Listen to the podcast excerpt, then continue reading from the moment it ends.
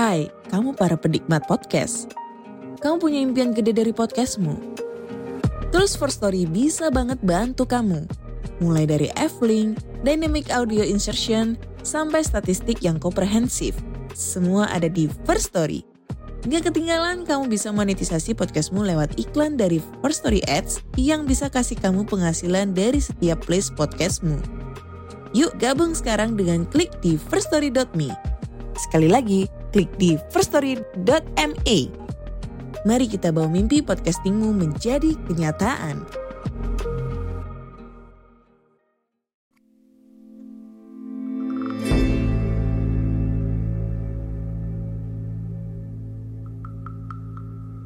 Assalamualaikum warahmatullahi wabarakatuh.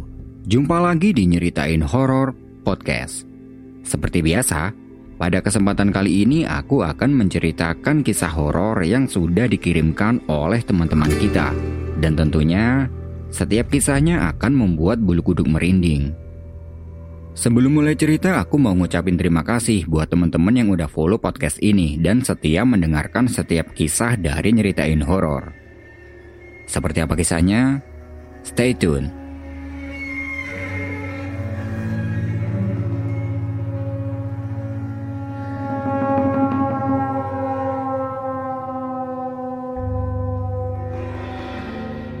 Pada tahun 2011, setelah lulus SMA, Syahril ini bekerja di proyek bangunan, membangun rumah, jalan, dan sebagainya. Ya bisa dibilang dia ini sebagai kuli bangunan lah. Tiga bulan lamanya pekerjaan itu dia tekuni, dan setelah tiga bulan berjalan, proyek itu sudah sepi. Ya namanya juga proyek, kalau ada ya syukur, kalau nggak ada ya harus mencari. Sudah beberapa bulan ini Syahril menganggur karena nggak ada proyek dan otomatis dia ini bingung. Kalau begini terus ya mau dapat uang dari mana? Di dalam kebingungannya itu, tiba-tiba dia dapat telepon dari teman sekolahnya dulu yang sekarang berada di Pulau Kalimantan. Sebut saja dia adalah Bahrul. Dia menghubungi Syahril untuk memberitahunya kalau di Kaltara sedang ada proyek pembukaan hutan. Ya siapa tahu aja Saril minat. Karena memang sedang tidak ada pekerjaan dan tawaran itu juga masih satu bidang dengan keahliannya, akhirnya Syahril mau. Dan saat itu juga, Bahrul menjadwalkan keberangkatan Syahril ke Kalimantan. Beberapa hari kemudian, Syahril pamit sama kedua orang tuanya untuk berangkat ke Kalimantan naik kapal laut dari Surabaya ke Kalimantan. Sesampai di pelabuhan, sudah ada pihak yang bersangkutan yang menjemput dan membawanya ke daerah yang menjadi titik pembukaan lahan. Jadi di pelabuhan itu sudah ada beberapa orang juga dari Jawa yang satu tujuan dengan Syahril. Sesampainya di sana, pihak proyek sudah menyiapkan base camp untuk para pekerja. Tapi ya gitu, base campnya ala kadarnya, yang penting bisa dibuat tidur dan istirahat. Nah, Baru saja Sahril sampai di tempat itu, dia sudah merasakan aura yang negatif di sekitaran sini. Jadi rumah atau base campnya itu letaknya jauh banget dari pemukiman warga. Dari rumah satu ke rumah yang lain itu berjarak sekitar 100 meteran dan kondisinya sepi banget. Ya wajar lah, namanya juga hutan. Sahril dan dua orang lainnya menempati satu rumah yang akan menjadi base campnya. Sore harinya, dia didatangi sama Bahrul, yang ternyata dia beda base camp sama Syahril. Ya layaknya seorang teman yang udah lama gak ketemu. Mereka bercanda-bercanda dan tanya kabar masing-masing. Keesokan harinya, semua pekerja berkumpul di lapangan untuk diberi arahan sama atasan tentang apa yang harus dikerjakan sekaligus pembentukan tim. Jadi proyek ini akan memakan waktu kurang lebih satu bulan. Dan selama satu bulan itu, semua pekerjaan harus sudah selesai. Untuk pekerjaan akan dimulai besok lusa. Setelah diberi arahan, semua pekerja pada balik ke basecampnya masing-masing Sahril dan Bahrul ngobrol-ngobrol nih di lapangan, cerita-cerita pengalaman masing-masing setelah lulus dari sekolah. Dan nanti malam, Bahrul berniat mengajak Syahril pergi ke kampung sebelah untuk ngopi. Ya hitung-hitung buat ngisi waktu luang lah sebelum pekerjaan ini dimulai. Malam harinya, mereka berdua pergi ke kampung sebelah yang jarak dari base campnya itu kira-kira 15 km. Mereka berangkat menggunakan motor Bahrul karena kebetulan di sana Bahrul sudah bisa beli motor sendiri dari hasil kerja sebelumnya. Mereka nongkrong di warung itu sampai larut malam. Setelah itu, mereka pada balik pulang. Dan di perjalanan pulang, Syahril melihat ada bulatan seperti bulatan merah yang sedang terbang di atasnya. Dan bulatan merah itu turun tepat di arah hutan yang akan dibuka nanti. Jadi jalan yang mereka lewati itu kiri kanannya adalah hutan. Sahril memberitahukan itu pada Bahrul sambil menunjuk ke arah bulatan merah itu. Dan kata Bahrul, itu sudah biasa. Semacam itu sudah sering dia jumpai di sini. Entah itu benda atau apa. Dan kalau bisa, ketika kita melihat benda semacam itu jangan ditunjuk. Mitosnya orang daerah sini, kalau ditunjuk itu kesannya kita menantang. Sesampainya kembali di base camp, Bahrul menurunkan Syahril dan dia berniat kembali ke base campnya sendiri. Nah, dari sinilah satu persatu kejadian horor itu dimulai. Syahril masuk ke dalam base camp dan terlihat satu orang yang satu base camp dengan Syahril itu udah tidur. Syahril pun merebahkan badannya untuk tidur. Tapi malam itu dia tidak bisa tidur entah karena minum kopi tadi atau bagaimana. Sampai sekitar tengah malam, tiba-tiba ada suara yang mengetuk pintu.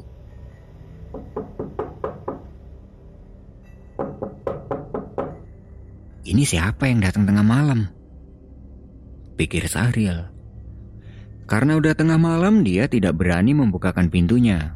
Sampai akhirnya, suara ketukan pintu itu sudah berhenti. Dan selepas itu, sayup-sayup terdengar ada suara tangisan wanita yang sangat menyayat hati.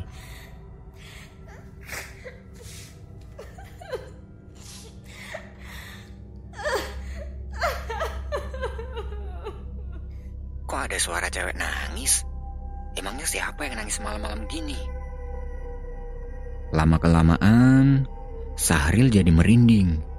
Dia memakai selimut untuk menutupi kedua telinganya agar tidak mendengar suara itu lagi. Sampai akhirnya dia tertidur. Keesokan harinya, dia tanya ke satu temannya. Mas Ruth, semalam dengar ada orang yang ketuk pintu nggak? Ketuk pintu? Kapan? Tengah malam mas, mungkin kamu dengar. Gak tahu saya, dari sore saya udah tidur. Sebut saja teman yang satu camp itu adalah Rudi. Dia dari Semarang, Jawa Tengah. Karena pagi itu Rudi bilang tidak tahu, akhirnya ya sudahlah. Mungkin semalam Syahril ini hanya salah dengar. Pagi itu Syahril dan tim pergi ke hutan untuk survei hutan yang mau dibuka. Oh iya, kebetulan Syahril ini satu tim dengan Bahrul. Jadi di tim itu ada empat orang, termasuk Rudi dan satu orang lagi. Sebut saja yang satu orang lagi tadi itu adalah Upi. Setelah melihat kondisi hutannya, mereka mempersiapkan alat-alat yang sekiranya akan dibutuhkan. Dan keesokan harinya, mulailah pekerjaan itu. Satu persatu pohon ditebang dan membuka semak yang cukup liar. Hingga kegiatan itu berjalan sampai dua minggu. Selama dua minggu itu, semuanya berjalan dengan lancar dan tidak ada gangguan apa pun. Tapi menginjak minggu-minggu terakhir, satu persatu keanehan mulai dia rasakan. Pada suatu malam, selepas kegiatan Sahril dan Bahrul ini pergi ngopi ke kampung sebelah yang sudah jadi langganan mereka di malam-malam tertentu. Ketika berangkat, Sebelum sampai di kampung itu mereka berdua ini melihat ada segerombolan orang yang sedang nyebrang jalan. Jadi orang-orangnya ini sedang mikul keranda, seperti akan memakamkan orang meninggal, dan disusul orang lain yang berjalan di belakangnya. Lalu, ada satu orang lagi yang paling depan dan dia membawa penerangan berupa lampu petromak. Pada tahu lampu petromak kan? Lampu yang jadul itu. Nah, melihat itu baru langsung menghentikan motornya untuk menunggu orang-orang itu nyebrang dulu. Emang di daerah sini ada pemakaman ya, Rul? Tanya Sahril. Mana aku tahu, sebelumnya aku nggak pernah ke sini. Jawabnya. Merinding juga sih, malam-malam melihat orang yang sedang mengantarkan orang meninggal. Setelah sudah menyeberang semua, mereka lanjut berkendara lagi.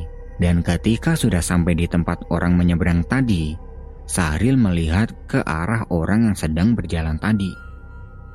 Set. Tapi tidak kelihatan ada siapa-siapa. Orang-orang tadi kok cepet banget ya jalannya. Pikir Sahril. Dia tidak mau berpikir soal itu lagi dan menganggap tadi itu orang dari kampung yang akan ditujunya. Soalnya di daerah sini nggak ada kampung lagi yang deket selain kampung yang akan dipakai mereka berdua untuk ngopi. Tidak lama kemudian, sampailah mereka di warung kopi. Di situ mereka memesan dua gelas kopi dan Bahrul tanya ke penjualnya. Ada orang meninggal ya bu? Orang meninggal? Gak ada tuh. Kalau ada ibu pasti udah tutup warung. Loh, tapi tadi kita ngelihat ada orang yang membawa keranda ke kuburan. Ibu penjual kopi itu tersenyum. Kemudian dia menjawab. Di jalan sebelum sampai di sini ya? Iya bu, kirain ada warga sini yang meninggal. Oh itu, Udah jangan dibahas. Udah biasa itu, bukan cuma kalian yang ngeliat. Maksudnya bu, itu barang gaib. Kata orang tua, tempat itu adalah perbatasan kampung. Dan di malam-malam tertentu, barang itu selalu lewat. Mereka berdua langsung kaget. Berarti yang tadi itu bukan orang. Bahrul bertanya lagi. Tapi nggak apa-apa kan bu kalau habis ketemu sama itu? Gak apa-apa, tenang aja. Udah jangan dipikirin. Jawab ibu penjual kopi dengan tenang. Sahril dan Bahrul kemudian duduk. Sambil menunggu kopi yang belum jadi, mereka membicarakan soal tadi dan mikir bagaimana nanti pulangnya. Kalau ketemu barang itu lagi, auto terkencing-kencing dong. Niat hati mereka ingin nginep di warung ini, tapi besok mereka ada pekerjaan pagi. Dan ibu penjual warung juga bilang gak apa-apa dan jangan takut. Oke lah, setelah kopi sudah habis mereka berkendara kembali ke base camp. Sesampai di tempat tadi mereka melihat ada orang yang mikul jenazah. Bahrul mempercepat kendaraannya karena takut. Tapi ya untunglah saat itu mereka tidak melihat ada apa-apa. Lama-kelamaan, kejadian itu sudah mereka lupakan dan mereka beraktivitas seperti biasa. Tapi kejadian horor masih belum cukup sampai di sini. Beberapa hari kemudian, Sahril dan tim sedang membersihkan hutan. Nah, di tengah-tengah hutan itu ada sebuah pohon yang sangat besar. Pokoknya besarnya pohon itu tidak muat kalau dirangkul sama satu orang. Entah itu pohon apa, yang jelas sangat besar dan pohon itu harus ditebang. Mereka menebang pohon itu menggunakan gergaji mesin. Tapi, saking besarnya pohon itu gergaji mesin ini tidak sampai bisa menembus. Akhirnya, mereka menggunakan akal. Sedikit demi sedikit pohon itu digergaji. Dan ketika sudah tinggal sedikit, pohonnya ini tidak mau tumbang. Dan ini aneh banget. Jadi batang pohonnya itu kira-kira tinggal selengan gitulah. Tapi pohonnya ini tidak mau tumbang. Sudah ditarik pakai tali dan segala macam, tapi tetap saja tidak bisa tumbang. Sampai-sampai mereka sendiri yang kecapean.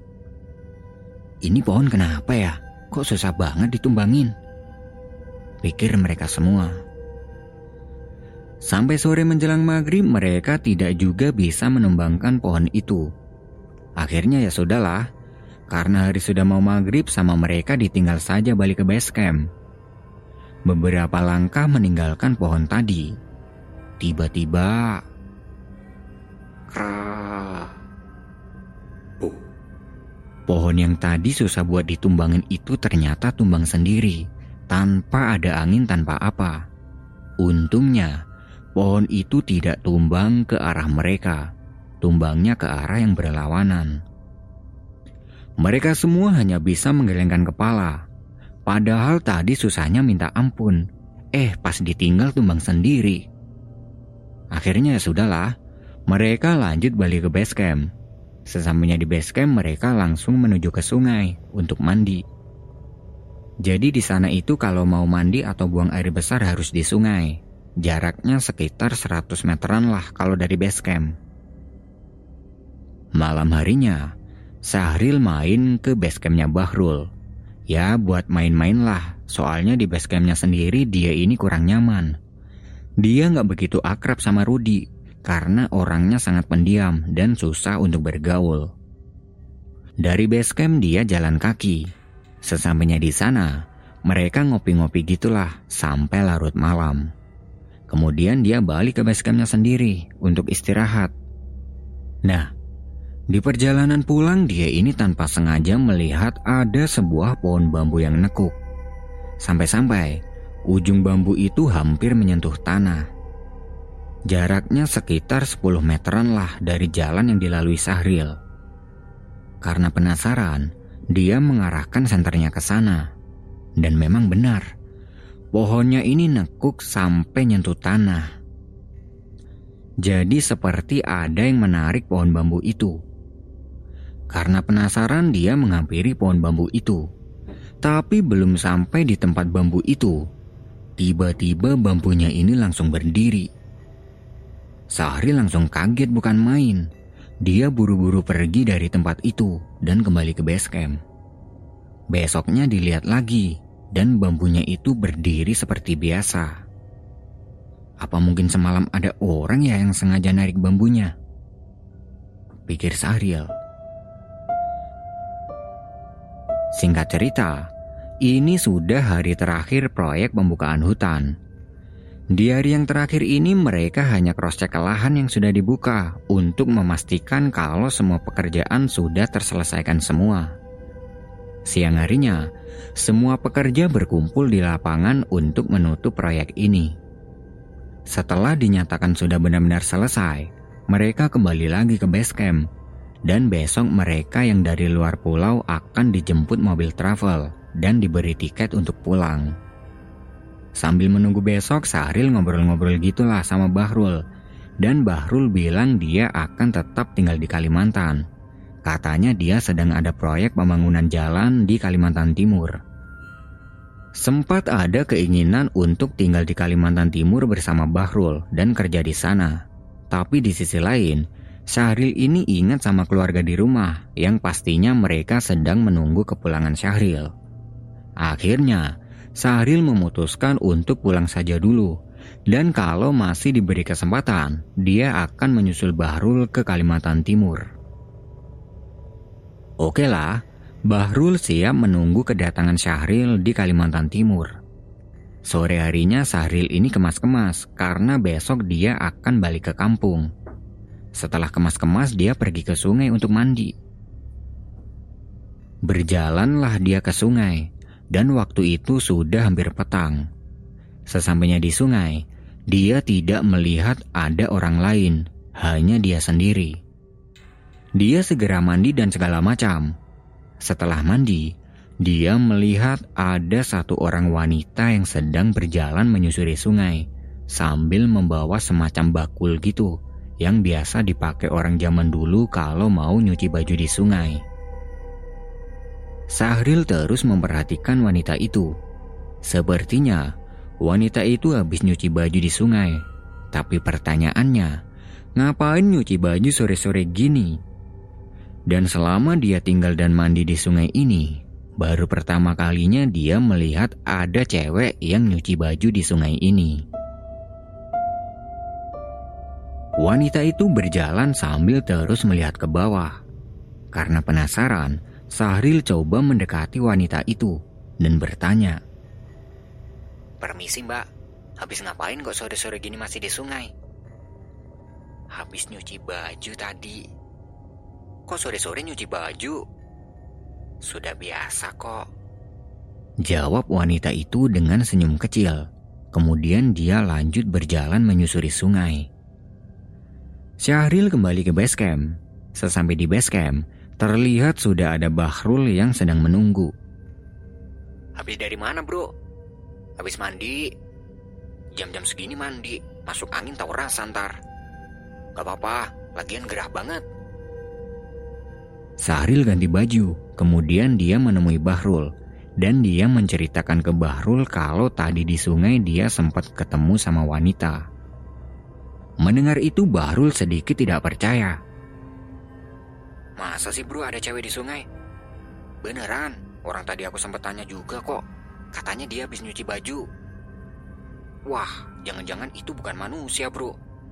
Coba pikir, tempat ini jauh loh dari kampung. Sahril baru sadar. Lah, iya ya. Kalau dipikir-pikir benar juga. Kalaupun dia warga kampung, gak mungkin banget dia jauh-jauh nyuci baju ke sini. Jam segini pula. Mereka berdua lanjut membahas kejadian janggal selama tinggal di tempat ini. Dan ini tempat memang benar-benar angker kalau menurut Sahril. Soalnya dari awal datang saja dia sudah merasa tidak nyaman. Tapi syukurlah, proyek ini sudah selesai dan besok dia sudah bisa cabut dari tempat ini. Singkat cerita, keesokan harinya mereka semua dijemput travel dan dibawa menuju ke pelabuhan.